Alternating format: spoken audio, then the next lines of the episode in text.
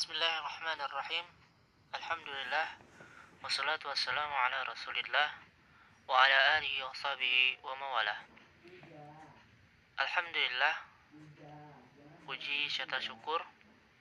Marilah kita panjatkan kepada Allah subhanahu wa ta'ala Yang telah memberikan kepada kita Banyak kenikmatan.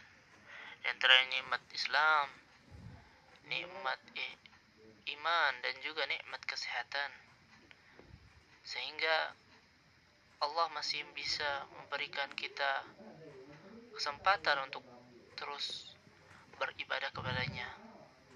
Selawat serta salam semoga terlimpah curahkan kepada baginda mulia Rasulullah Sallallahu Alaihi Wasallam.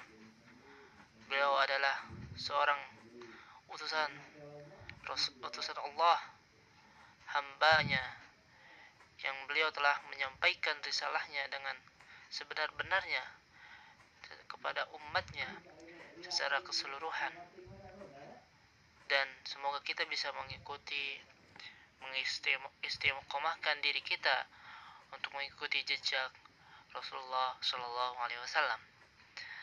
Ikhwatu iman, rahimakumullah. Pada kesempatan pada pagi hari ini, insya Allah kita akan membahas sebuah tema yang cukup penting. Tema yang mungkin yang sedang eh, ramai di masyarakat kita yaitu tema tentang bid'ah. Ikhwatu iman rahimakumullah perlu kita ketahui tentang definisi tentang bid'ah itu sendiri. Kita bisa lihat dari akar kata dalam bahasa Arab Maksudnya bid'ah berasal dari kata al-bada'u yaitu membuat hal yang baru yang sama sekali tidak ada contoh yang sebelumnya.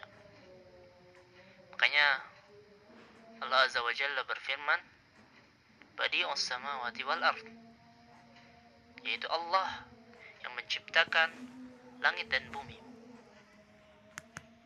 Quran surat Al-Baqarah ayat 117